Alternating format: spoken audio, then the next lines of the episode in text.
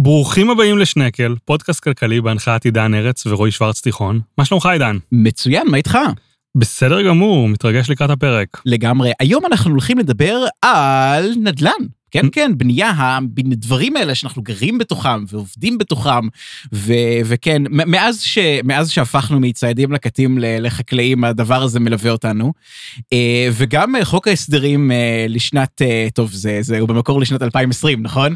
כן. אה, הולך, אה, הולך ללוות אותנו גם בדבר הזה. אז, אז מה בעצם הדברים הגדולים ש, שהם רוצים לשנות פה? בואו נתחיל רגע ממה נעסוק בפרק. בפרק הזה אנחנו הולכים לעסוק בשני סעיפים בחוק ההסדרים שעוסקים בנדל"ן. הסעיף הראשון זה האצה והפחתת רגולציה בענף הבנייה, והשני עוסק בבעצם אה, התחדשות עירונית. Mm-hmm. בין לבין אנחנו נעשה דיון על שוק הנדל"ן, ובעצם מה זה אומר בישראל, אל מול כל מה שכולנו יודעים שמחירי הדיור פה אה, עולים. ומאמירים. Mm-hmm. אה, אנחנו בעמוד 59 בחוק ההסדרים, כן, כן. ונצ... ונצלול, עידן. יאללה. אז ככה, אז בעצם הדבר הראשון שהם אה, מדברים עליו כאן, זה בעצם מה שנקרא ב... אה, מה שנקרא בשפה המקצועית עירוב שימושים. כן. שעירוב שימושים זה בגדול הרעיון המטורף, שבעצם צריך לה- להתחיל צעד אחד אחורה. לא כל אחד יכול לבנות מה שהוא רוצה, איפה שהוא רוצה, אלא יש איזה מין אה, שרשרת כזאת של אה, ועדות אחת על השנייה, יש ועדה מקומית, ועדה אזורית, ועדה ארצית, שהם בעצם מנסים אה, להגיד ליזמים מה מותר להם בדיוק לבנות בכל אזור. כדי, הרציונל המקורי של הדבר הזה זה נגיד, שלא יהיה לך למשל מפעלים מזהמים ליד הבית. כן. אבל אה, במחקר המודרני לדברים האלה יש כמה חסרונות, אתה רוצה לפרט עליהם? אני חושב שבגדול הסיפור הוא ש... נתחיל בזה שלדעתי לפני פחות או יותר 80 שנה היה יותר Mm. עירוב שימושים בישראל.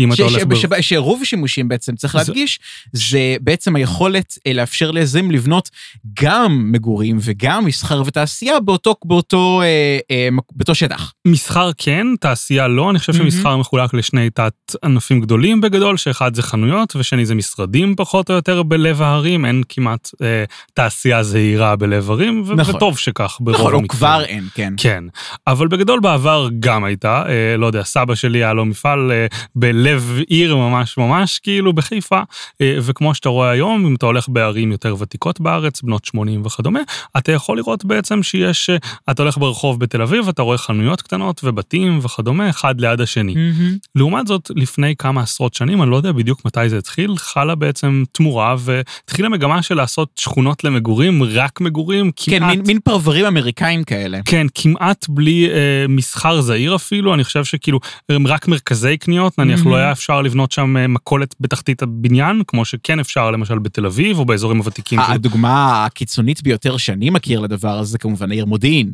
כן. ש- שהיא מין אה, עיר שינה אה, פרברית אמריקאית קלאסית כזאת. אני חושב שיש דיבור שגם שכונות בראש העין דומות לזה, שכונות חדשות מהמם. בראשון לציון, אם אני לא טועה, וכדומה. כל ראשון לציון מערב, כן. כן, ובעצם הסיפור הוא שמעבר לעובדה שזה פחות נוח לאנשים, זה יוצר פקקי תנועה מאוד מאוד גדולים. כן, כי אז אנשים בעצם צריכים להתנייד כל בוקר וכל ערב מאזור המגורים לאזור העבודה, ו... או לאזור הבילויים, או הקניות, או, או כל דבר שהם רוצים להגיע אליו, וחוזר חלילה בחזרה לתוך שכונות המגורים.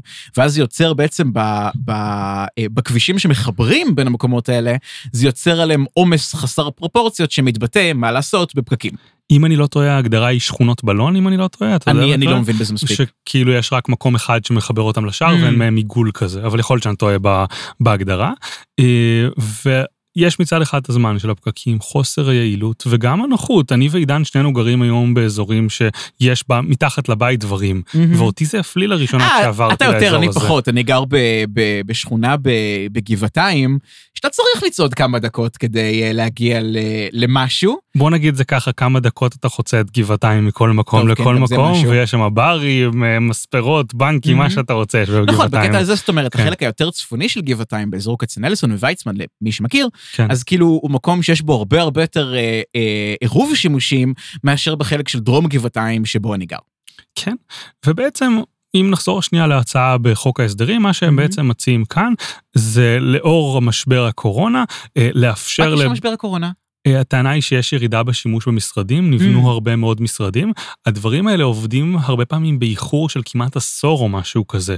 כי על מנת, תכף נגיע להסבר יותר מעמיק על שוק הנדל"ן, אבל על מנת להתחיל לתכנן בניין זה דבר שלוקח שנים על גבי שנים על גבי כן, שנים. וזה לפני שהונחה האבן הראשונה. כן, בדיוק. ואז יוצא מצב שאנחנו יודעים שלא יודע, בעוד שנתיים יהיו עוד שני מיליון מטר עבור המשרדים נוספים בשנה, אני לא יודע אם הגזמתי פה בסדר גודל או לא, אבל, אה, אבל לעומת זאת, עכשיו ההערכה היא ש- ו- שבעקבות משבר הקורונה יהיה יותר מגמה של עבודה מהבית, ואפילו- שאגב, זה, שזה גם אחד, אחד הדברים המרתקים שקורים בעקבות משבר הקורונה, כי זה פשוט, אה, זה סוג הדברים ש, שנשארים לאורך זמן, כי אנשים מגלים שזה בעצם כן בסדר לעבוד מהבית. הייתה את הבדיחה הזאת שתפסה בתחילת הקורונה לדעתי, אה, מי אחראי לשינוי הארגוני אה, והטמעת הטכנולוגיה בארגון שלכם? ה-CEO, ה-CFO או ה-COVID-19? אשכרה. כן. אגב, זה הכי קיצוני בממשלה, אה, ש, כן. שהוקפצה ברמה הטכנולוגית ומבחינת אה, הגמישות העבודה, אבל, זה, אבל גם לזה נגיע בסופו של דבר. בוא, בוא נמשיך יכול רגע אבל, ל... אבל רק כדי לדבר, אם כאילו יכול להיות שאם עד עכשיו עבדתם חמישה ימים במשרד או ארבעה ימים במשרד ופתאום תעברו ליומיים במשרד, אז אפילו אם יש אותה כמות של עמדות עבודה, אפשר קצת יותר צפיפות, כי לא כולם יעבדו באותו. יום וכדומה. ובעצם מה שהחוק ההסדרים מציע זה לקחת בניינים שאושרו למשרדים ולאפשר לעשות שם דירות מגורים של עד 80 מטר רבוע, אה, גני ילדים ומעונות יום, כל עוד וזה לא מעל 50% מהשטח הכולל המותר לבנייה. אה, והחלק המעניין הוא ש... ב- כאילו יש כאן הרבה דברים מעניינים, אבל אחד החלקים המעניינים בעיניי זה שהם אומרים שהם אפילו חוששים מההשפעה אם לא יעשו את זה על הבנקים, כי החשיפה של הבנקים לשוק הנדל"ן מאוד גדולה, והיה ויהיה הרבה בנייני משרדים ריקים, אז האנשים שלוו כסף, אה, הבנקים, ליזמים, בעצם לא יקבלו אותו, ואולי יש כאן איזשהו שרשרת. אני לא חושב אני, אני, שהם... אגב, אני אגב לא מסכים איתה, אני, חושב- אני חושב שזה חשש אמיתי מאוד. אני חושב שבעצם אה, זה חלק מהמאפיינים של בעצם כאילו בועת הנדל"ן בישראל, שתכף נגיע אליה בצורה הרבה יותר מעמיקה, אה, אבל חלק מה- מהמאפיינים שלה זה בעצם אה, אה, השקעות יתר במה שנקרא הון מסדר גבוה. זאת אומרת, מוצרי הון כמו בעצם נדל"ן, שלוקח הרבה מאוד זמן ומאמץ ותהליכים כדי להביא אותם בסופו של דבר למוצרי הצריכה, הרבה יותר מאשר הביקוש בפועל. ו, אה, ובעצם חלק ממה שהם מנסים לעשות כאן זה בעצם להגמיש את הדבר הזה, ואם הדברים האלה בעצם, הבניינים האלה לא יתאימו למשרדים ולא יהיה ביקוש כמו שאותם יזמים ובנקים חשבו שיהיה, אז אתה יודע, לפחות יהיה אפשר אה, לעשות עם זה משהו. האמת לא ירדתי לסוף דעתך, אתה בעצם אומר שיש יותר אה, השקעה במשרדים ביחס לכמה שצריכה להיות באופן כללי, בלי כן. קשר לקורונה? אני על חושב שהקורונה האיצה את זה? מאוד. כי בעצם מה שקרה זה שיש לך, אוקיי, יש לך הרי ריבית מאוד מאוד נמוכה בכל נכון. העולם, נכון? מה ריבית נמוכה עושה לך? היא עושה לך שני דברים עיקריים. א', מהפרספקטיבה של הצרכנים, היא בעצם גורמת לכל צרכן אה, אה, להוציא יותר ולחסוך פחות. נכון. כי בעצם, אה, א', קל לך יותר, אתה יודע, כזה ללוות, וב', אה, לא, לא שווה לך לשים את הכסף בבנק, כן? זה ב- בגלל אינפלציה וכאלה, אתה יוצא שבסוף זה רק נשחק, היכולת קנייה, אה, ולכן שווה לך להוציא כסף אה, כבר עכשיו. לעומת זאת, ליזמים שווה מאוד לקחת הלוואות מהבנקים כדי, אה, אה, כדי בעצם ליזום פרויקטים. לא רק זה, שווה להם מאוד ליזום פרויקטים לטווח ארוך. ולזה בעצם מה שאני קורא לו מוצרי הון מסדר גבוה. מה זאת אומרת? נגיד, אה, אה, בשביל מה יש לך בנייני משרדים, כן? הרי בנייני משרדים, אה, אתה, לא, אתה לא אוכל אותם, נכון? כן. מה, מה, אבל מה, מה אתה בסוף כן עושה איתם? כי אתה מושיב שם. אנשים שיפתחו מוצר, שתקנה אותו חברה, שישפר את יכולת הייצור שלה, כדי שתייצר מוצרים, כדי שתמכור אותה לחברה אחרת, שתייצר מוצרים שאותם אתה כן יכול לאכול, או אוקיי. לעשות איתם משהו אחר. כן. ובעצם אמ, מוצרי הון שנמצאים במה שנקרא רחוק בשרשרת הייצור, כן, נמצאים בעצם רחוק מנקודת הצריכה, מושפעים מהריבית בצורה, בצורה הכי קיצונית. למה? כי בעצם יש לך הרבה שלבים והרבה זמן בדרך, כ- אה, מהרגע שבו אתה מייצר את מוצר ההון שלך, כמו בענייני משרדים, שזה בעצם הטענה שלי, עד הרגע שבו זה אשכרה מתגלגל לך לאיזשהו מוצר צריכה שאתה יכול באמת באמת לצרוך. ואז אם יש לך בעצם אה, אה, גידול בצריכה ויש לך פחות חיסכון לאורך זמן, ומצד שני בעצם מייצרים לך הרבה מאוד מוצרים שרק בעתיד הרחוק יחסית יתגלגלו לך למוצרי צריכה, אז לאורך זמן נוצר לך פער, כי בעצם אנשים לא חוסכים מספיק כדי לקנות את כל המוצרים שבעצם אה, אה, ייצרו לך ו- והתגלגלו רק בהמשך למוצרי צריכה. ואז במקרה כזה, אז זה עלול להיות לך משבר כלכלי, כן? זה עלול, עלולים, אה, הרבה מאוד חברות עלולות לגלות שאין באמת ביקוש למוצרים שלו כמו שאנשים חשבו, ואז אתה יודע, מפטרים אנשים, ו- וחברות קורסות, ו- וכל הכיף הזה. אה, זה בעיניי, אגב, אה, אה, היה אחד הדברים שקרו ב-2008, ואני מאוד מאוד חושש מחזרה של זה בישראל, ואני חושב שהנקודה העיקרית שבה השקעות, ההשקעות היתר האלה במוצרי הון מסדר גבוה מתרכזים בישראל, זה בדיוק הבניינים האלה של משרדים, שאתה רואה אותם, אתה יודע, כזה, אתה מסתכל על תל אביב, שזה עיר עם ביקוש מטורף לנדל"ן, כן? כן. ואתה רואה, אתה יודע, כזה בנייני מגורים של שלוש קומות, ובנייני משרדים של 50 קומות. אה, אבל זה בגלל הגדרות התכנון והבנייה של העירייה, אין כאן משהו מעבר לזה. נכון, כי בעצם לשם, ה... כי ספציפית לשם ההשקעה הולכת. נגיד במקומות אחרים, אתה רואה למשל שהדבר הזה הוא מתרכז במוצרי הון אחרים, כמו נגיד מניות, כן?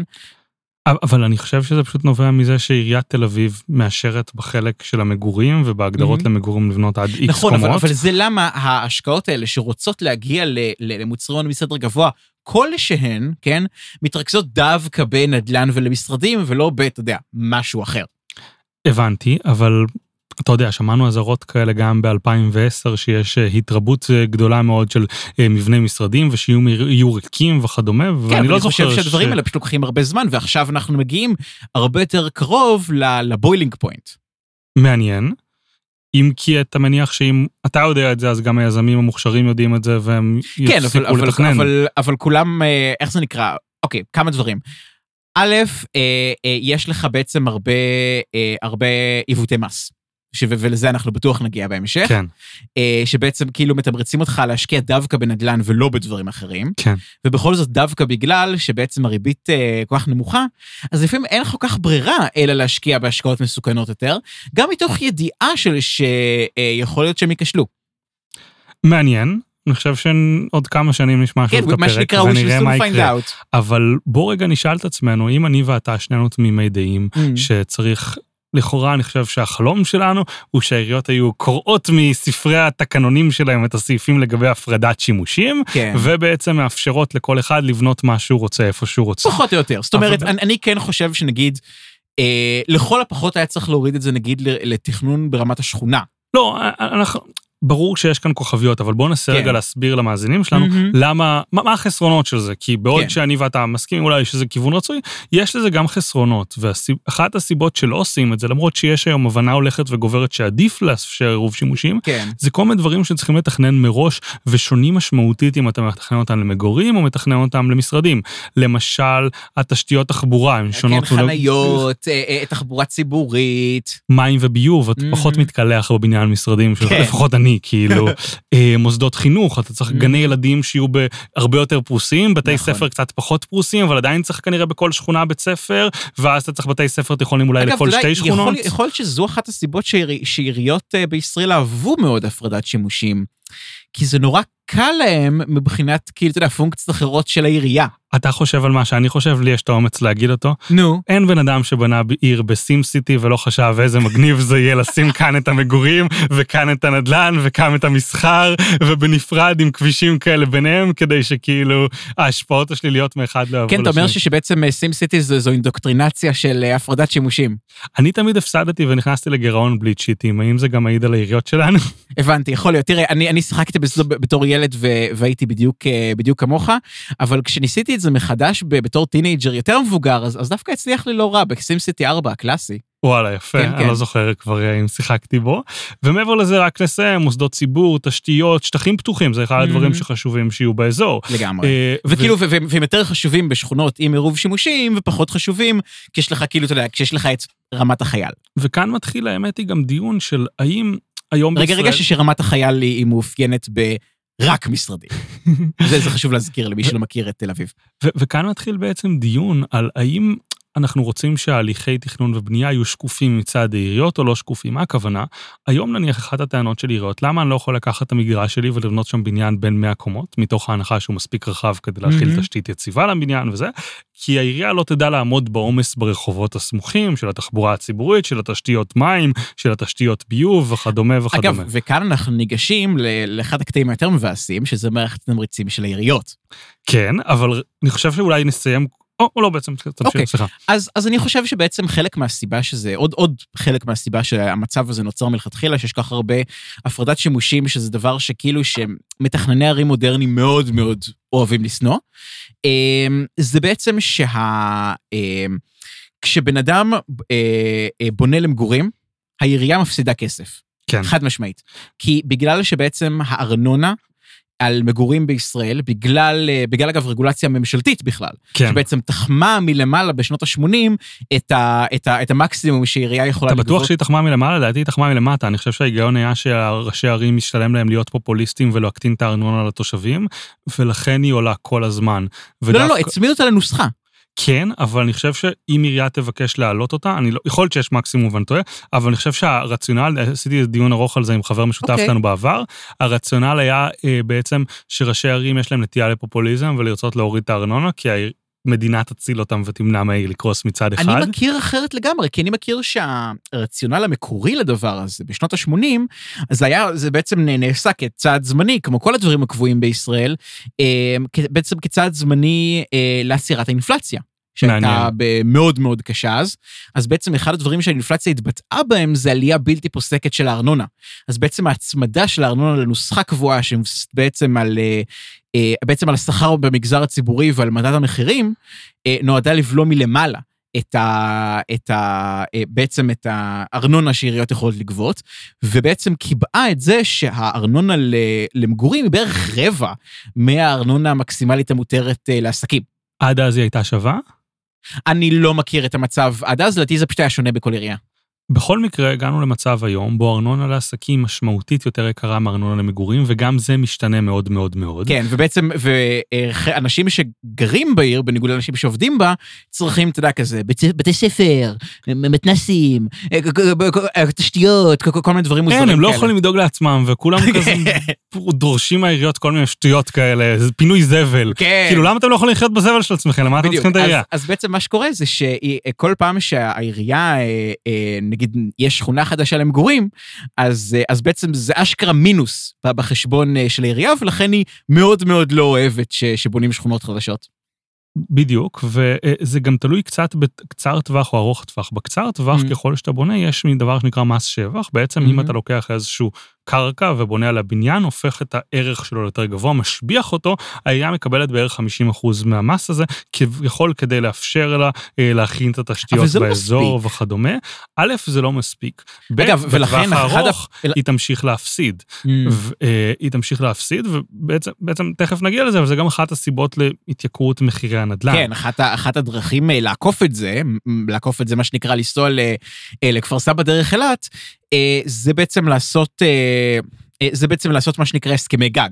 שזה בעצם, אה, הממשלה אומרת לעירייה, אתם עכשיו תבנו את השכונה הזאת, ואנחנו נשלים לכם את התקציב אה, לבניית התשתיות. מעבר לזה יש עוד חסרונות לארנונה, כי למשל מבני דת לא משלמים אותם, אז בירושלים כן, גם מבני למשל. ציבור, לדעתי מבני ציבור כן. מבני חושב- ציבור משלמים, פעם הם לא שילמו בכלל, היום הם משלמים ארנונה מופחתת. הבנתי. אז נניח בירושלים יש מצד, יש הרבה מוסדות דת, הם משלמים פחות. הרבה וגם יש- מוסדות ציבוריים, הרבה גם- מוסדות של עמותות. וגם יש תושבים במצב סוציו-אקונומי נמוך, מהמם. שהעירייה, שהמדינה פוטרת אותם מתשלום כן, מס כן, לעירייה. הכנסת, כן. הכנסת קובעת ש- שלאנשים האלה יש פטור מ- מ- מ- מארנונה, והעיריות הן אלה שצריכות אחרי זה להתמודד עם זה מבחינה תקציבית. ואז יוצא מצב שיש ערים שכאילו אף אחד לא משלם כי הגבייה שם על הפנים, כמו מהמם. שקורה הרבה במגזר הערבי פחות או יותר, ומצד מהמם. שני יש ערים שאף אחד לא משלם כי הכנסת חוקקה שאף אחד לא צריך לשלם. כן, שזה נגיד ירושלים. זו דוגמה קלאסית, ואז כאילו אה, הם בגירעון כאילו כרוני, אי אפשר זה, ואז משלמים לירושלים מיליארד שקל בשנה בתור מענק הבירה כדי אה, לאזן להם את התקציב. יש כאן קצת יותר מורכבויות, נניח יש אנשים שחושבים שהם לא צריכים לקבל את זה, או שצריכים לקבל פחות או יותר, אבל כן, בגדול זה ההצדקה שכביכול כן. ראשי עיריית ירושלים רואים לדבר לא, הזה. זה, זה, זה, זה מנגנון שבור כאילו בבית גושה בעיניי. אבל אז מה שקורה בעצם זה שלעיריות משתלם לעשות כמה שיותר נדל"ן מסחרי. הן מפצות על האובדן הכנסה ממגורים באמצעות נדל"ן מסחרי. ואגב, וכל מי ש, שעובר בתל אביב, ויכול, שיסתכל רגע מהחלון ויראה את זה בעיניים, זה כאילו... א- אבל, אמ, וזה גורם למצב כמו עיריית בת ים לא יכולה להגיע Mhm. בשום צורה לאיזון תקציבי, כן, כן, אשכרה אין לה אפשרות להגיע לאיזון תקציבי, לא משנה מה הם יעשו. עש- עשו את כל החישובים, מתחומה מצד אחד בראשון, מצד שני בחולון, מצד שלישי בתל אביב, אין לה שטחים מתים כמעט, אז אין לה כמעט איפה לבנות נדל"ן מסחרי, יש לה המון נדל"ן למגורים, ולכן היא בגירעון כל שנה וכל שנה. והפתרון של המדינה היה, במקום נניח צעד מהפכני כמו לגרום לתושבים לשלם ארנונה בשווי. השירותים שהם צורכים, הוא לספח אותה לתל אביב ב-2023, כן, כדי להעמיס את העלויות האלה בעצם על העסקים בתל אביב. ויש כאן גם דיון גדול ומעניין שלדעתי אליו לא ניכנס, Mm. על האם צריך שתל אביב תהיה עיר אחת גדולה או כמה ערים. וואי, זה ממש לא אה, ניכנס עכשיו, זה פרק בפני עצמו. אבל זה דיון עם מאוד אורח, מעניין. כאילו. לגמרי, לגמרי, לגמרי. אבל בגדול, בהתחשב בזה שעכשיו 2021, ההחלטה החליטו אותה ב-2018 ולא ראיתי איזושהי התקדמות בנושא מאז, אני מעריך שזה לא יקרה ב-2023. לא, לא, לא כל כך.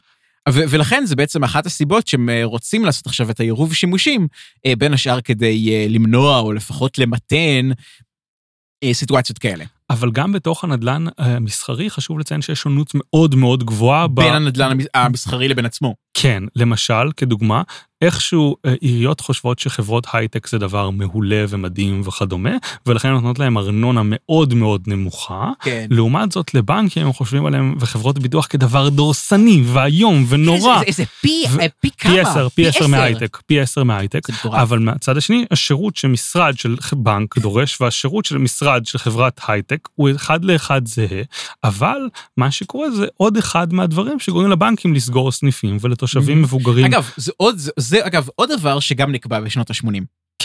אה, כאילו, אני מאמין לך, אבל כן. אני לא יודע. אבל- לא, לא, אני, פשוט כן. קראתי, את, ה- קראתי לאחרונה את ה... את ה אה, איך זה נקרא? את המהלכים כאילו ההיסטוריים שיצרו את זה, זה, זה באמת הזוי. אבל מה שקורה זה שהיום סניפי בנקים נסגרים כי יש יותר שירותים בדיגיטל, אבל אני ועידן לא מפריע לנו כי אנחנו מעדיפים לא ללכת לסניף בנק, אבל. לשכנה המבוגרת שלי, שלה יותר קשה. עכשיו העובדה שסגרו את הסניף בנק ופתחו שם סניף AMPM, למשל, בצורך העניין. שמשלם פחות, נד- שמשלם פחות ארנונה על אותו הדבר. כן, לדעתי הוא יוצר יותר עלויות, אתה יודע כמה קרטונים זה, כן, משאיות, שכן. בלאגנים, זה סניף של כאילו- AMPM. זה, זה, זה, זה הכי נוח כיף בעולם, כאילו, בתור עירייה.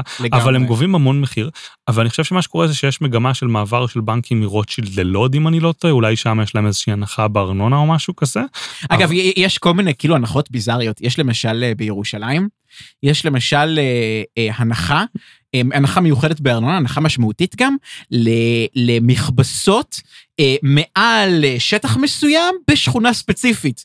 ואני כזה, יש מצב שכאילו יש שם ספציפי למכבסה הזאת. אתה זוכר שניסו לעשות, הרי אתה חייב בחקיקה של המדינה, אתה לא יכול לעשות חקיקה ברוב המקרים שתטיב כן. במכוון עם גוף אחד או אחר. אז אני חושב שהסיפור הכי ביזארי זה שרצו לאסור לתת כסף מהמדינה כדי לבנות איזשהו מקווה באיזשהו יישוב, ואז החליטו לעשות שהתקנה תאפשר לכל יישוב מעל קו גובה מסוים לקבל כסף למבנה, למקווה, אבל כאילו... מעל 800 מטר או משהו כזה, יש כאילו שניים וחצי יישובים בארץ פחות או יותר, אז כאילו זה נתן ליישובים באזור השומרון שהיה להם כאילו Mm. מקווה או משהו כזה. באמת לפי גובה? כן, מה- מה- זה- מה- מה ההיגיון? כי אתה צריך לעשות את זה רוחבי ולא לתמוך באיזשהו יישוב ספציפי. זה שאולי הוא היישוב אה, היחיד אוקיי, שנופל בקו גובה הזה, זה, לא חשבו על זה במקור. הבנתי, כל... כל היישובים ש- ש- שקוראים על שם מאפיינים טופוגרפיים ומסתיימים ב- בעין. אבל אה, בגדול רגע בואו נסכם כן. רגע את החלק הראשון הזה. אז דיברנו על הפרדת שימושים אל מול עירוב שימושים ועל הבאסה הגדולה בזה שהעירייה אה, מקבלת מס לא ריאלי מסוגי, אה, בוא נקרא, לקוחות שונים, כן. בוא נקרא אגב, לזה ככה. ובעצם ה- המסקנה המאוד אה, מבאסת שלנו, בוא, בוא נגיד את זה ככה, זה שאנחנו לא משלמים מספיק אה, ארנונה. כן. שזה כאילו, אגב, שזה גם בעיה פוליטית עצומה, כן? כי ממש קשה לך להריץ קמפיין על כזה, תקשיבו, אה, אה, אה, התושבים צריכים לשלם יותר ארנונה, הם לא משלמים מספיק.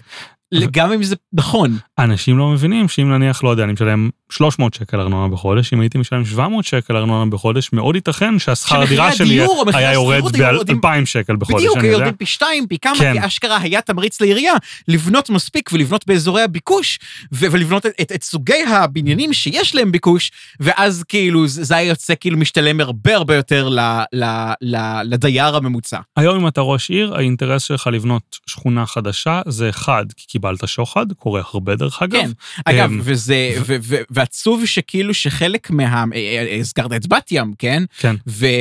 וזה מדהים כאילו, אה, אתה יודע, וגם יש כל מיני דברים שלכאורה לכאורה בנתניה, וכל מיני כן. דברים כאלה שכאילו, יש ראשי עיר שחלק מהפיצ'רים שלהם, זה שהם היו מספיק מושחתים כדי לבנות כמו שצריך.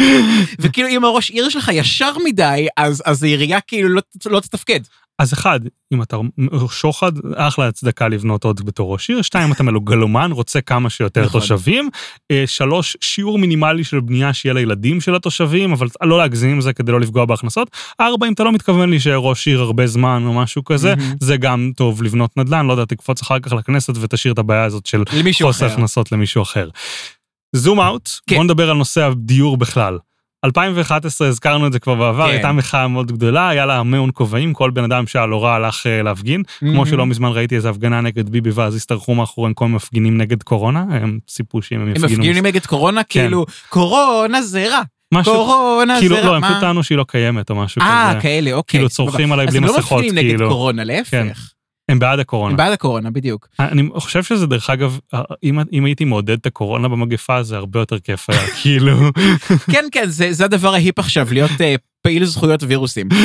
בכל מקרה, אז ב-2011 אחד הדגלים המרכזיים מאחורי המחאה החברתית זה התייקרות מחירי הנדל"ן. מחירי הנדל"ן, או מחירי הדיור למגורים יש לציין כן. ספציפית, ובתוך זה המדד המרכזי היום שלפיו אנחנו בודקים התייקרות מחירי דיור, הוא בעצם מספר המשכורות לדירה. זה מדד מאוד מאוד טיפש, שלוקח את העלות הממוצעת של דירה במשק, מחלק אותה במספר המשכורות, אה, בשכר הממוצע במשק ומקבל כתוצאה את כמה משכורות נדרש כדי כן, זה- זה לקנות זה מדד דירה. טיפש, כי בעצם אה, קל מאוד לעוות אותו. אני גם חושב שיש בו הרבה עיוותים. אני מסכים שככל הנראה הייתה התייקרות בשוק הדיור, Mhm, הייתה אני, בוודאות אני התייקרות. פשוט חושב שיש גם סיבות מאוד מוצדקות לכך שלאו דווקא קשורות לאיזשהו עוול או שינוי משמעותי, אלא אוקיי, שינויים אז רגע, מתאימים בוא, על פני בוא זמן. לפני שאתה מסביר את, את המצב, בוא רגע נתאר אותו. אמ, בערך החל מ-2008, אז היה שפל כאילו בגדול מאוד במחירי הדיור, שירדו ב- בשנות האלפיים. אה, אז התחיל, ה- התחיל בעצם לעלות מחירי הדיור, עלו ועלו ועלו ועלו. ב-2000 עד 2011 הייתה עלייה די אני משמעותית. חושב שמ-2003 הייתה עלייה מסוף לא, המשבר. הייתה, ב-2006 עד 2008 הייתה ירידה. וואלה, כן, אוקיי. כן. כאילו, מוזמנים פשוט לגגל כאילו את, ה, את, ה, את הגרפים. אה, ובעצם ב-2011 כבר נהייתה עלייה משמעותית, אה, שאגב, רק המשיכה מאז. הדירות היום יותר יקרות מאשר ב-2011, אה, כשבעצם כאילו הדבר העיקרי שהשתפר זה שבעצם המשכורות גם מאוד עלו מאז 2011. אני, אני לא יודע אם משכורות עלו באותו קצב, אבל לפחות זה כבר התחושת מכנה כזאת שאם אתה לא קונה מחר בבוקר דירה, זה הולך להתייקר בטירוף, כבר פחות קיימת, כי נכון, העלייה היום יש לך סטגנציה. התאזנה. אבל אני, ובעצם... כאילו היום בשנתיים האחרונות. בעצם אני חושב שאחת הסיבות שזה קורה, זה כי יש דבר שנקרא ביקוש קשיח וגמיש. אה, והיצע רגע- תסביר את בהתאם. המונחים האלה, זה חשוב. אוקיי, בואו נתחיל רגע בלי לדבר על המונחים האלה, בואו נדבר על משהו יותר פשוט. אם לעידן יש משהו שאני מאוד מאוד רוצה, אני אהיה מוכן לשלם הרבה יותר כדי לקבל אותו. כמו, כמו כל דבר, כל משא ומתן, אתה בא למשא ומתן, ואתה מניח כאילו כמה שאתה רוצה את זה, יכול להיות שאני אומר מחיר מאוד נמוך, אבל יכול להיות שאני מוכן לשלם גם מחיר מאוד גבוה, כי אני מאוד רוצה את זה.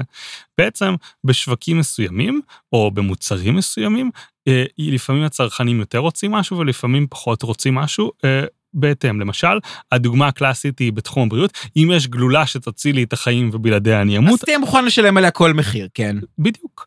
אמ, אבל, אבל במצבים מסוימים, למשל בדירות, אם יש לנו תשעה מיליון תושבים במדינה, בוא נניח רגע, נעזוב מבנים משפחתיים, נעזוב זוגות, נעזוב זה, היה והיה לך תשעה מיליון דירות, כנראה שהדירה תשעה מיליון ואחת תעלה הרבה הרבה הרבה פחות. אני קצת מפשט פה כמובן כן. וזה, אבל כי כבר אין בה כמעט צורך. לעומת זאת, אם כל אחד היה רוצה לגור לבד, ופתאום היה שמונה וחצי מיליון דירות, הדיור היה מתייקר פלאים, כביכול. ו- וזה על כאילו שינוי יחסית קטן בהיצע הדירות. כן, יכול להיות שנניח אמרנו 500 500 אלף הבדל, איזה 5 אחוז נניח, בוא נגיד את זה כן. ככה, אבל יכול להיות שההפרש במחיר הדיור היה 30 אחוז ולא 5 אחוז, למשל. ואתה טוען בעצם שזה המצב שאנחנו נמצאים בו?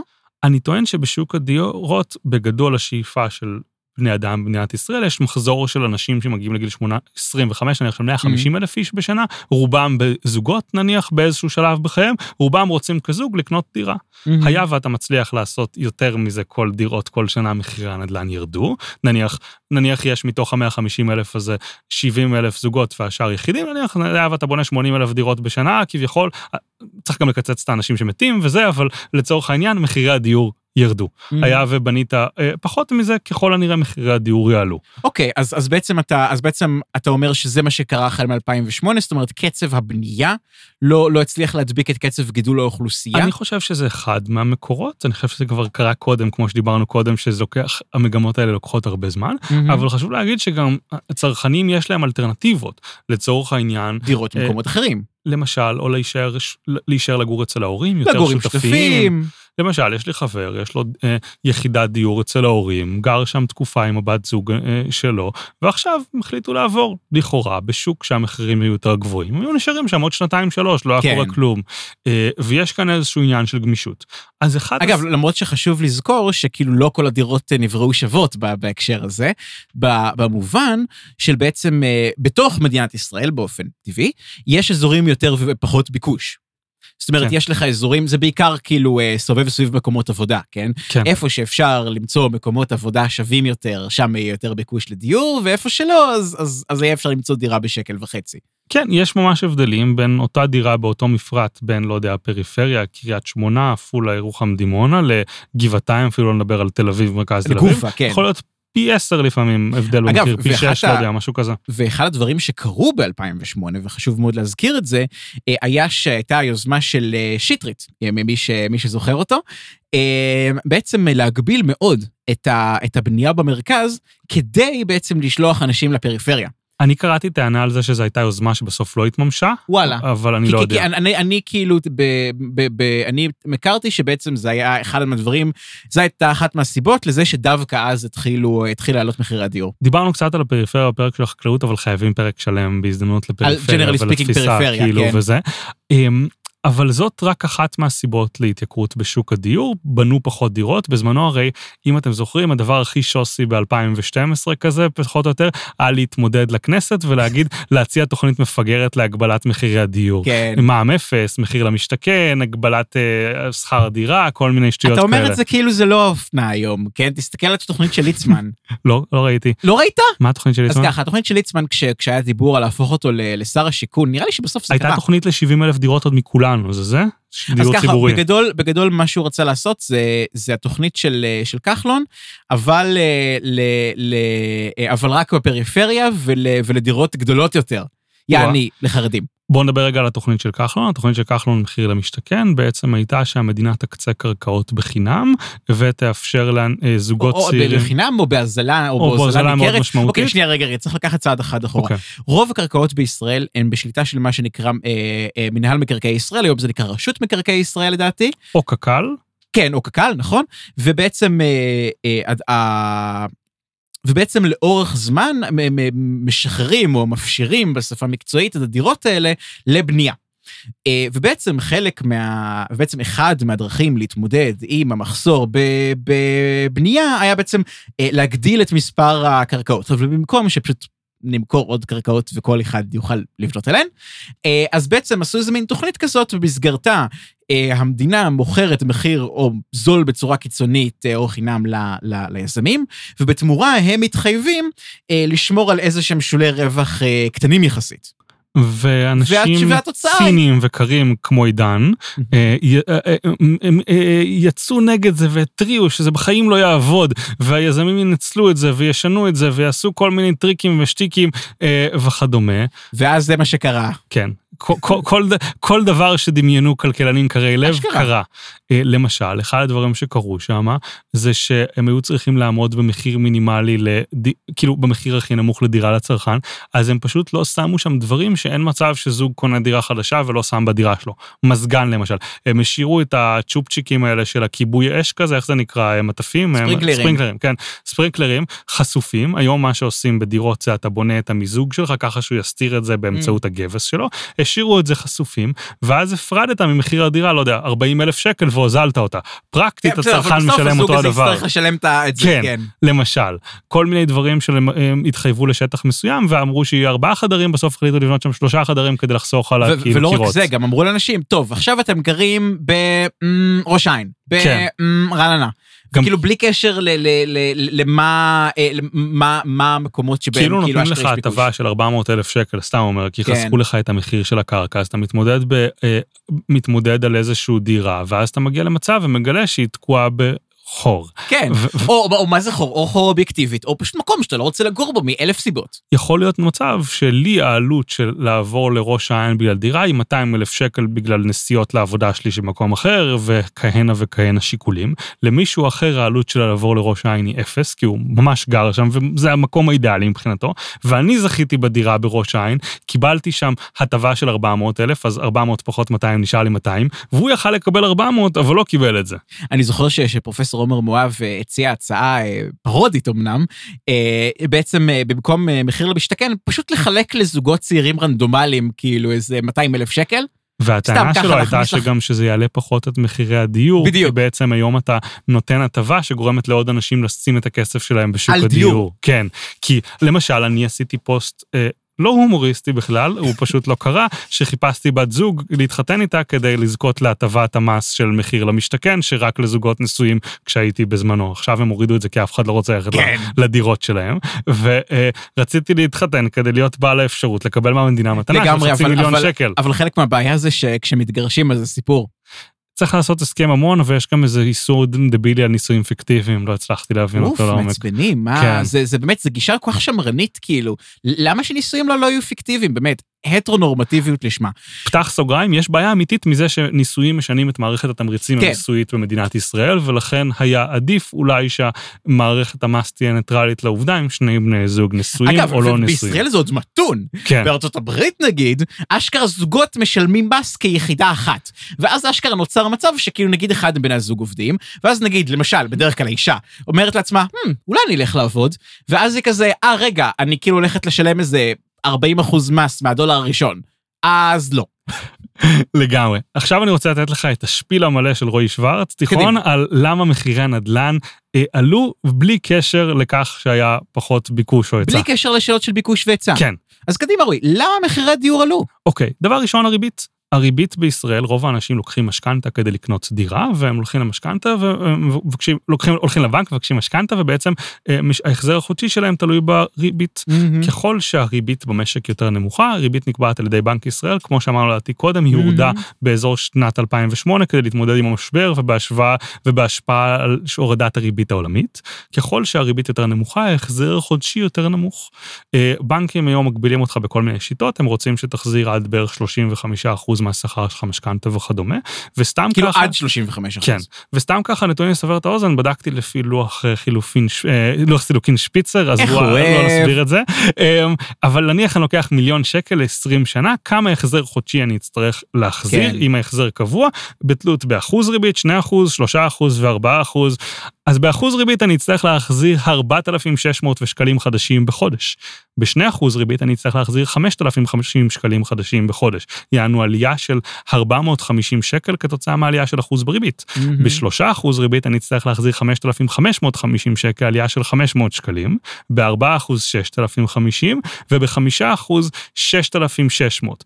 עכשיו, הריביות קצת יותר גבוהות ומלכתחילה לא מגיעות לאחוז אף פעם, אבל זה נועד לשם הדוגמה, אבל ההבדל כאן בין אחוז ריבית לחמישה אחוז, שהוא ארבעה אחוזים ריבית, מחזיר, הופך את ההחזר שלי מ-4,600 שקלים ל-6,600 שזה שקלים. הבדל של עולם ומלואו. הבדל מטורף. ומה שכלכליים אוהבים להגיד, כי זה נכון, זה שצריך להבדיל בין נומינלית לריאלית. נומינלית זה ה- אה, מהמילה, אה, מאותו מקור כמו של השם name, שם זה, פשוט. זה, זה, זה, זה, זה, אה, איך זה נקרא? המחיר השמי, אני חושב. אוקיי, בהיעדר, איך שאתה רוצה. קיצור, זה המחיר. בשקלים. כן. עכשיו, לצורך העניין, אם המחיר של בקבוק מים 10 שקלים ואני מרוויח 100 שקלים או מרוויח 1,000 שקלים, המחיר שלו בעיניי הוא שונה. מהמם. פה מה שקורה זה שבעקבות שהמשכנתה נעשתה יותר זולה, העלות של הדירה נהפכה לזולה יותר. ל- ולכן אנשים הוציאו יותר כסף על דירות, פחות או יותר, מה שגרם למחירים לעלות. ז- זאת אומרת, מה שאתה בעצם אומר זה שהיה, אה, אה, בעצם הביקוש מאוד מאוד גבר, כן. כתוצאה מהורדת ריבית, ההיצע לא, לא, המערכת תכנון שלנו לא הייתה מסוגלת אה, לספק את, ה, את ההיצע המתאים, כן. אה, ונשארנו בעצם עם, עם תחרות מטורפת על, על כל דירה באזורי הביקוש, מה שבאופן אה, לא מאוד מפתיע מעלה את מחירי הדיור. כן, גם בסיבה השנייה נגענו קצת, יש את העניין... אגב, וחשוב חשוב להזכיר בהקשר הזה, אה, שמחירי השכירות בישראל אומנם עלו, אבל לא באותה רמה כמו מחירי הדיור. התיאוריה שלי בנושא היא שבעצם שכירות מבטאת שני דברים שונים. Mm. אחד זה ניהול הלקוח, ניהול הקשר עם הסוחר, יענו לחפש אותו, למצוא אותו, לדאוג לתיקונים בדירה וכדומה, ושנית, הנדלן עצמו. וכאשר בתור השקעה הנדלן, ספקולטיבית.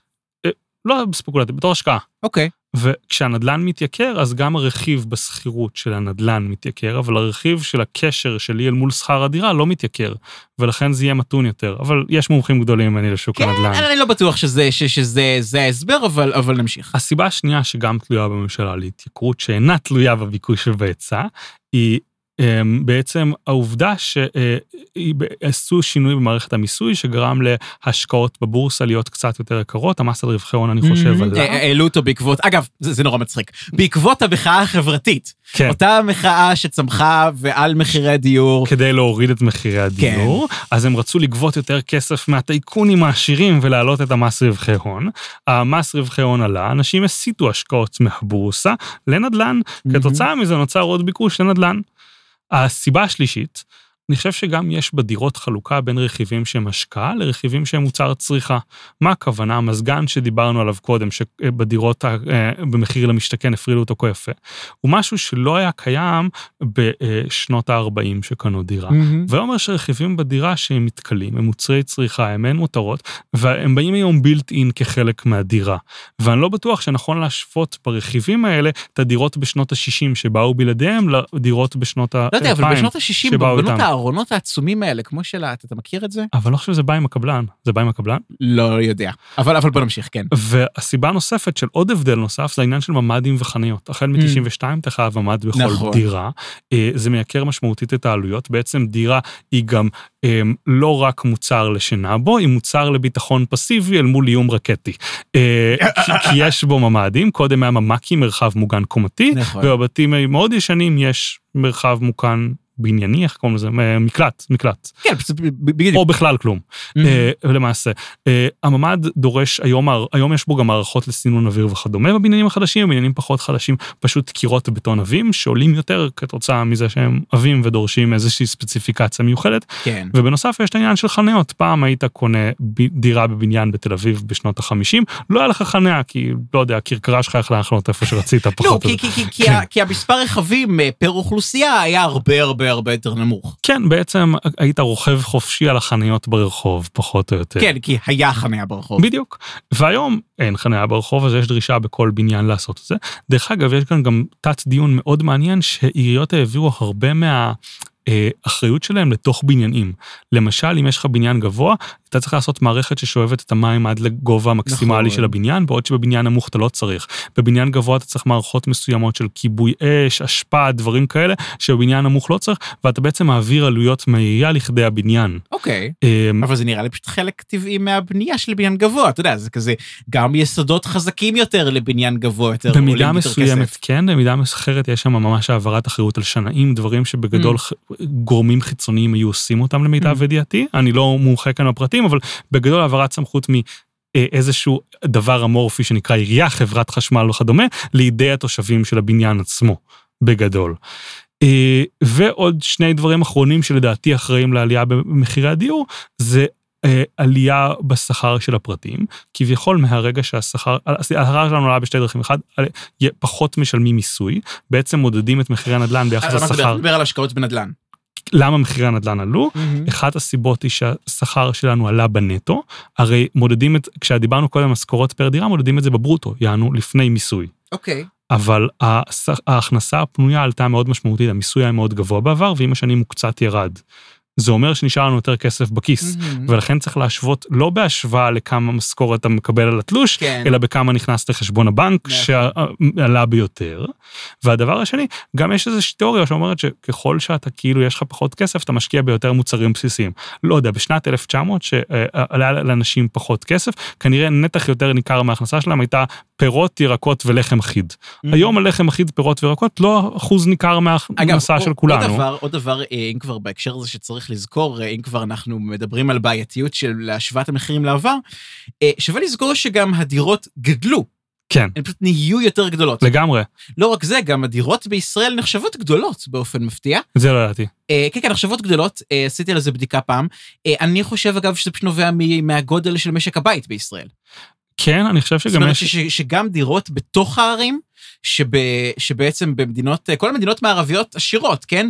הם, אלה דירות קטנות יחסית, בישראל יש ביקוש לדירות גדולות יחסית גם בתוך הערים. אני מניח שהסבים והסבתות של רובנו, אולי סבא רבא, גרו בחדר יחד עם עוד אחים שלהם כן, ברובם, נכון. וברובנו המאזינים לא, לפודקאסט גרים בחדר לבד. אבל זה קשור לדבר הקודם שאמרת, שאנחנו פשוט מרוויחים יותר. כן, אבל... אז רמת החיים שלנו עולה. בדיוק, והדבר האחרון שגם הוא חשוב, גם היחידת משק בית השתנתה. בעבר 0.4, כאילו 40 אחוז מהאנשים בגילי העבודה עבדו, היום 60 אחוז פחות או יותר כן. מהאנשים בגילי העבודה עובדות, מה שגורם לזה שלא נבדק פר משכורת של בן אדם, אלא פר משכורת של משק, משק בית, בית, והמשכורת כן. של משק בית גדלה משמעותית בין 40 ל-60 אחוז הזה. נכון. אז זה הנאום המלא של רועי למה אוקיי. מחירי הדיור עלו, לא רק מסיבות שנובעות אה, מביקוש והיצע. אשכרה דרישה לזה שאנשים רוצים לגור במקומות. כן. יפה, אה, יפה מאוד. אז בעצם, אז, אז רגע, אחרי כל השפיל והוורט והנאום הזה, אה, אז, אז איך, איך מורידים את מחירי הדיור, אם בכלל זה דבר שאנחנו רוצים לעשות? אנחנו רוצים לעשות את זה? אתה יודע, אני ת, תמיד השתעשעתי ברון שאולי אם יום אחד אני אהיה ראש עיר ואחליט לעשות זה, אני אהיה ראש עיר של בעלי הדירות ולא של הסוחרים. אני אראה okay. אוקיי. עליית מחירי דיור כהצלחה שלי. כן, כן, אה, בקדנציה שלי מחירי הדיור עלו ב-30 אחוז, קל. זה נשמע מטופש, אבל זה אינדיקטור לא רע, הרי אם עיר מוצלחת ואנשים רוצים לעבור אליה, מחירי הדיור בהנחה ואין יותר, כאילו, ואתה לא משחק עם הבנייה ואמורים לעלות. אתה יודע מה? אפילו אם אתה לא משחק עם... נניח יש עיר... זה כמו, אבל זה קצת כמו להגיד, שאתה יודע, כזה, אה, אה, אינפלציה, כן? זה, זה סימן לצמיחה כלכלית, כן? כן. אבל זה לא בהכרח אומר שעליית מחירים היא טובה. לא, אבל בוא ניקח דוגמה. ראש עיר מחליט, אני לא בונה יחידת נדל"ן נוספת, אוקיי? אוקיי? עדיין מחירים של נדל"ן יכולים להידרדר אם העיר רעה, או לעלות אם העיר טובה. כן. כן. לא, לא יודע, אני חושב שזה פשוט אה, זה גם פרח באוכלוסייה שגם לא צריכים לדאוג, okay. אוקיי. ויש כאן עניין מצחיק שלישראלים 70 אחוז מהמשקים יש להם דירה בבעלותם, זה נתון גבוה בהשוואה עולמית, mm-hmm. לעומת זאת כל ישראלי רוצה שמחירי הנדל"ן ירדו, ירדו, שזה מעניין. אני, אני חושב שזה, שזה נובע מה... שזה דווקא נורא נורא פשוט, כי לבן אדם שכבר יש לו דירה אחת למגורים, mm-hmm. לא אכפת לו מה, מה השווי שלה. הוא אדיש. כן, הוא אדיש, הוא גר בה. והוא חושב על הילדים שלו כאילו? כן. הוא חושב הוא... על זה שהוא צריך לקנות דירה לילדים? כן. לא רק, כאילו, ו- ולא רק זה, כאילו, זה כזה לא אכפת לו עם השווי של הדירה שלו. עכשיו, אתה יודע, כזה, לא אכפת לך אם שווי הדירה שלך יהיה 1.6 מיליון או 1.4 מיליון. כל עוד שאר הדירות הזאת בתאימות. אתה לא, הדירה לא נעשית יפה יותר, כי, כי, כי היא שווה יותר כסף על הנייר. אני צריך להקל את זה רגע. כן, רגע, כן. אילון מאסק לא יפה יותר ככל שיש לו חשבון בנק יותר גדול? טם טם טם, כן כן. אה, אה, באופן כללי, טוב עזוב. בוא נעבור לנושא הבא. הרכילות על אילון מאסק זה לפרק אחר.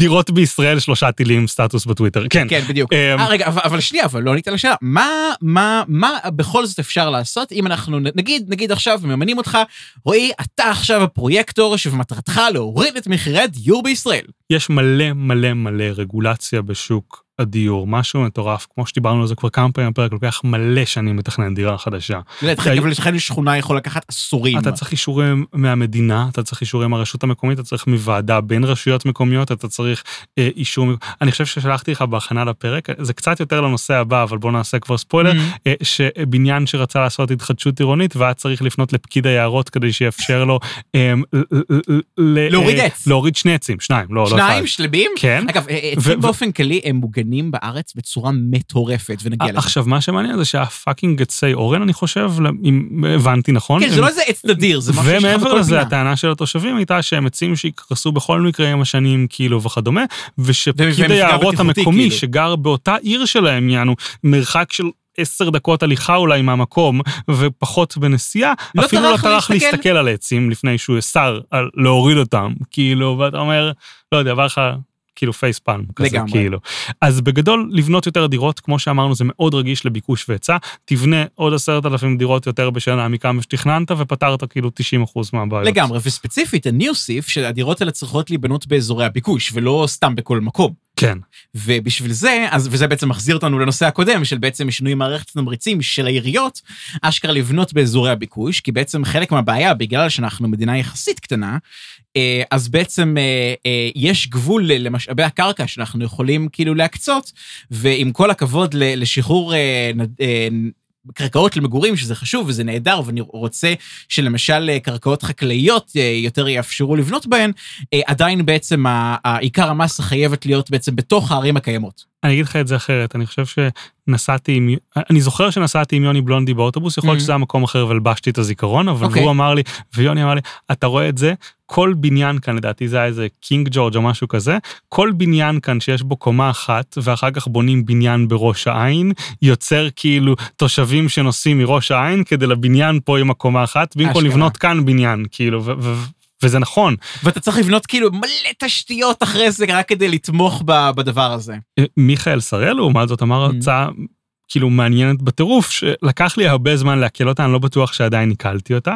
יש כל מיני אנשים שטוענים שצריך למסות זכויות בנייה. לצורך העניין, mm, היום בישראל, כמו שאמרנו, אתה לא יכול לבנות כמה שאתה רוצה, נכון. יש לך בניין, בדרך כלל מותר לך לבנות אחוזים ביחס לשטח הקרקע. למשל, 60 אחוז, 80 אחוז, 200 80 אחוז מה? נניח יש לך אה, דונם קרקע, אממ. נניח רק בבעלות של בן אחד, עזוב כן, דירות כן. וזה, דונם קרקע, אם יש לי 80 אחוז בניין, אני יכול, בנייה אני יכול לעשות, לבנות 800 מטר, בין אם זה 4 קומות או 2 אה, אה, קומות. אוקיי. אם יש לי אלף אחוז בנייה, אני יכול לבנות כאילו עשרת אלפים, בין אם זה 20 קומות או 100 קומות או whatever. וככה זה עובד במדינת ישראל. היום יש הרבה בניינים במרכז תל אביב שיש להם אחוזי בנייה לא מנוצלים, או בכל מקום אחר במדינה. ולצורך העניין, אה, אה, מיכאל שראל אמר שכאילו, בעצם זה גם נכס בפני עצמו, וכמו שיש לנו ארנונה על מגורים, צריכה להיות ארנונה על זכויות בנייה. על, ש... על בניינים על הנייר, אתה אומר. שלא ישתמשו בהם, כן. כאילו זה, זה בערך אותו היגיון של uh, להטיל ארנונה מוגברת על בנייני רפאים. זאת אומרת, זה כאילו, יש לנו איזשהו משאב שהוא לא מנוצל, ואנחנו רוצים שהוא ינוצל. כן. זה, זה, זה בערך ההיגיון פה. כן, משהו כזה, פחות או יותר. אני חושב שנכנסתי איתו לדיון על מה קורה אם יש בניין שיש בו אה, סבא וסבתא מבוגרים, ואיך קוראים לזה, ויש להם דירה של חמישה חודרים מלא זכויות בנייה mm-hmm. או משהו כזה. אז הוא אמר שלא מובן מאליו שהסבא והסבתא, החלוקה הכי יעילה של משאבים בחברה, זה שהם יהיו בדירה של חמישה חדרים, שהם שני אנשים, mm-hmm. ולא נניח שתי דירות נפרדות, או מקום אחר, או משהו כזה. זאת אומרת, חלק מהמטרה זה גם לעודד אה, פיצול דירות, מה שאסור בישראל, אגב. אני חושב שהוא אמר עוד משהו שאני שכחתי, שהפך את הנקודה שלו למשמעותית יותר חזקה, אז עמו הסליחה. אה, אגב, אם כבר, אם כבר נכנסתי לזה, האמת, זה, זה קטע חשוב, שבישראל מאוד מאוד קל להיות עבריין בנייה. זאת אומרת, אה, אם נגיד, למשל, אם למשל יש לך שדה חקלאי, okay. אוקיי. ואתה בונה עליו מחסן, כן. נגיד, כי כאילו השטח החקלאי הזה לא רווחי כל כך, אשכרה יכולים כאילו לבוא ולהטיל עליך קנסות מטורפים. בדיוק. כן. ובעצם כאילו למרות שאתה מנצל את השטח הרבה הרבה יותר טוב, מאשר, אתה יודע, כזה לבנות על זה שטח, שטח חקלאי שהוא יהיה לך הפסדי. אני חושב שבגדול כמעט כל רגולציה מכניסה אותך לדיון בין תכנון מרכזי, mm-hmm. לבין שבעצם המדינה קובעת את הכל, לבין לתת לאנשים להחליט בין מה הם רוצים לעשות, ורגולציה בשוק הבנייה, שהיא מאוד משמעותית וקובעת לך מכסות וכדומה, היא, היא כן, נוקשה ממש. יש בה הרבה בעיות. יש גם יתרונות, אנחנו חייבים לציין את זה. אם מחר בבוקר כל בניין של שלוש קומות בתל אביב יעבור לבניין של 100 קומות, יהיה קשיים מהותיים מאוד. כן. אה, איך זה נקרא? ובכל זאת, אתה יודע, זה כזה, זה מגיע לרמה שכל בן אדם ש, שמפצל את הדירה שלו, כן?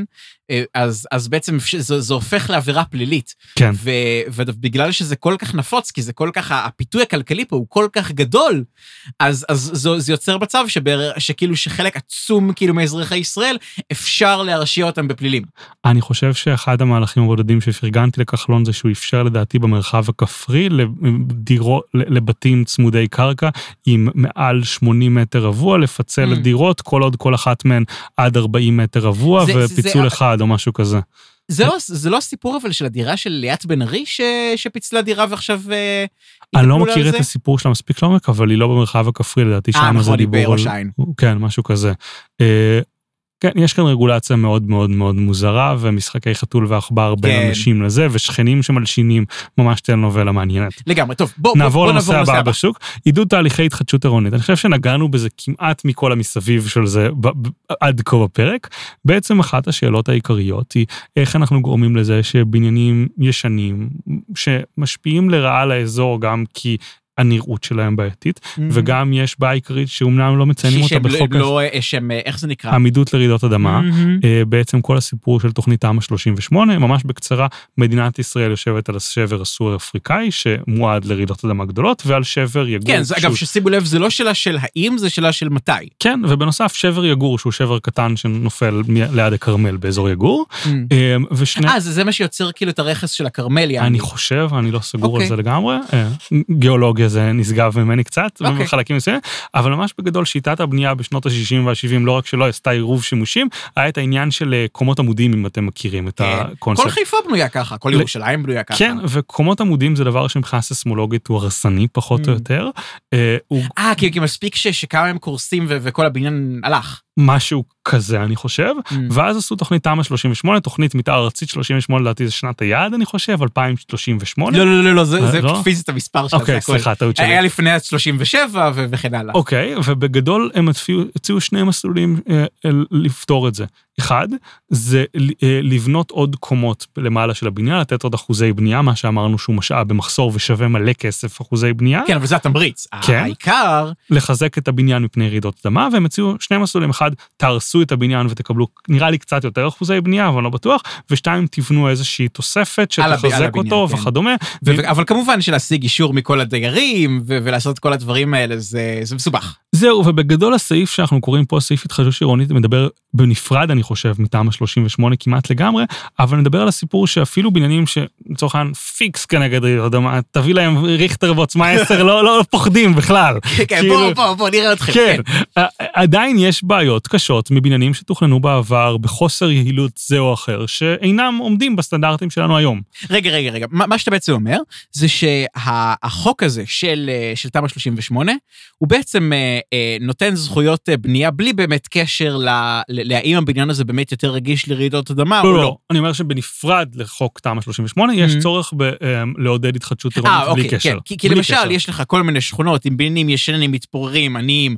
למשל, דיברת קודם על חיפה וירושלים, בבאר שבע יש את הסיפור שלדעתי היה להם איזשהו חזון אדריכלי כזה של בנייני בטון או משהו כזה, שנהפכו כן. לכיעור לא נורמלי וכאילו זכו עליהם בפרסים אה, והיום... אה, ברוטליזם, כן. אבוי. יש אנשים שבקטע, לא מבין אותם. או כל מיני בנייני רקפת, או שכונות עמידר, או דברים כאלה שהיית רוצה לחדש אותם לכאורה, אבל כמעט אין לך תמריץ בשום מצב לקחת בניין קיים ולהרוס אותו כדי לבנות בניין חדש, אם אין לך ים באחוזי בנייה. כי זה פרויקט מבחינת המשאבים שהוא דורש מאוד מאוד גדול. לא רק זה, זה, זה גם הסיוט הבירוקרטי הכי גדול בעולם, כי כאילו תחשוב שאתה צריך להציע בעצם לכל, לכל הדיירים אה, דיור אלטרנטיבי. כן. ואתה צריך שהם יסכימו לזה. בדיוק. ו... ו- ותמיד יש לך את, ה- את, ה- את, את הסבתא בקומה שלוש, שכאילו, נו, מה לעשות, קשה להעביר אותה עכשיו. כן, מה, אני בן 80 לצורך העניין, למה שאני אעבור בשלוש שנים האחרונות שלי למקום שאני לא מכיר, לא מכיר את השכנים, לא מכיר אף אחד, אם זה יעלה את השווי של הנדל"ן פי שתיים, שהילדים שלי יתעסקו בזה, אבל עד שאני אמות, הבן 77 יהפוך לבן 80, בדיוק. וכן כן. הלאה וכן הלאה וכן הלאה. ובעצם אף פעם לא מגיעה נקודה שבה אפשר לעשות את זה. כן, אז בעצם המדינה עושה כל מיני דברים במסגרת הזאת, למשל נותנת שאם שני שליש מהדיירים מעוניינים להרוס את הבניין, יהיה אפשר לכפות על השליש הנותרים, אלא אם כן יש להם, לא יודע, סיבה מהותית או כל מיני כן. כאלה. או דבר אחר שהיא נותנת כאן, היא רגע, רגע, מה שאתה בעצם עושה, אתה בעצם מקריא את החלקים מ- אה, מבעצם חוק ההסדרים, ש- שבעצם אמורים לעבור במסגרתו. הפעם אני לא אקריא, כי זה קצת... לא, לא, לא להקריא, אבל- אבל אבל אני אתה מדבר בגדול. דבר נוסף, הם מורידים את ההיטל השבחה, כמו שאמרנו קודם, כשאתה מעלה את השווי של איזשהו בניין, נניח הרסת בניין ששווה 10 שקלים, בנית בניין ששווה 100 שקלים, יש לך 90 שקל הפרש, 45 שקלים מזה הולכים לעירייה כהיטל השבחה. פה הם טוענים שבהתחדשות עירונית הם יורידו את הכסף הזה לעירייה רק ל-25% במקרים מסוימים, במקרים אחרים ישנו את זה, ייתנו קצת בין לבין, בין ה-25 ל-50%. אבל בעצם מגבירים את התמריצים להתחדשות עירונית ותמ"א 38. מעבר לזה הם גם נותנים, אה, אה, הם נותנים קצת כסף למדינה על כל, אה, על כל יחידה חדשה שתיבנה במתחמים בהם יהיה הרבה מאוד פינוי בינוי אני חושב. רגע, מה זאת אומרת נותנים למדינה? לעירייה, אמרתי למדינה, אוקיי. סליחה. נותנים 20-30 אלף שקל לכל עירייה על כל אה, דירה חדשה כן, שזה שתיבנה. בעצם מתחבר לדבר הקודם שאמרנו, לגבי כן. התמריצים של העירייה, שהם בעצם כאילו קצת שבורים, אז בעצם מנסים אה, לעקוף את זה על ידי פשוט לדחוף להם כסף על כל דירה.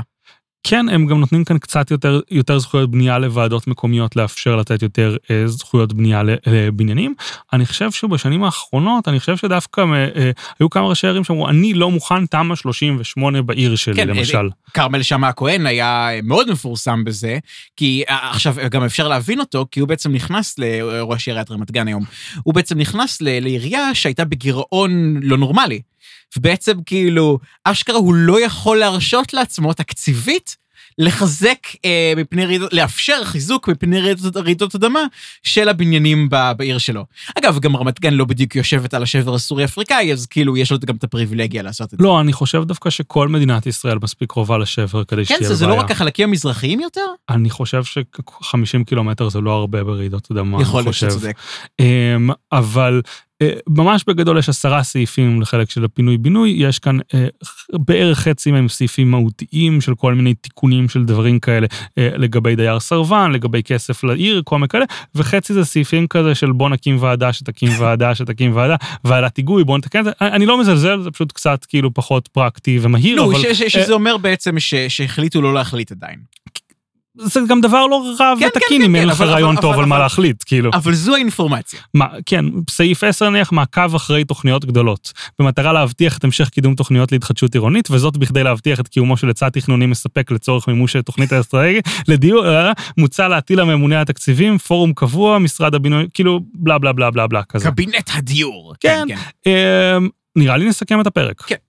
אוקיי, אז אה, בפרק בעצם דיברנו על שוק הדיור באופן כללי, אה, דיברנו על למה מחירי הדיור התייקרו, הסיבות שיש לזה, על הרגולציות המאוד משמעותיות, מהמם. ובתוך זה דיברנו על שני נושאים מאוד גדולים, אחד התחדשות עירונית, ושתיים אה, הנושא של, אה, ברח לי, תמ"א 38.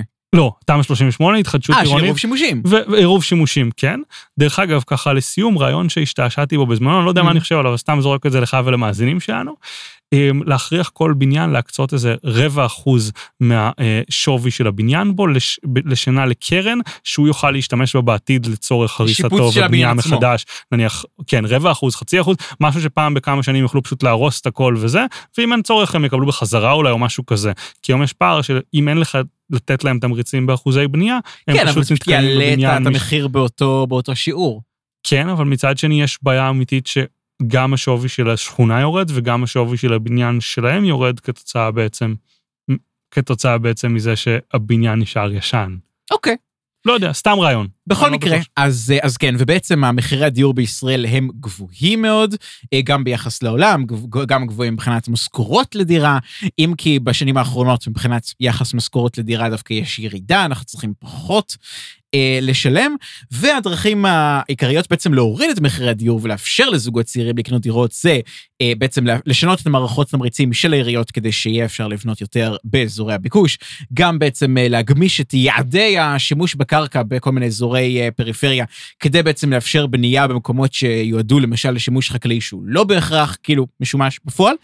אה, ו, אה, וגם כאילו בסופו של דבר אנחנו גם נאלץ להעלות בחזרה את ריבית בנק ישראל, אבל זה סיפור לפרק בפני עצמו. תודה רבה, עידן. אה, ותודה לך רועי, ותודה לפודקסטיקו על ההפקה המצוינת.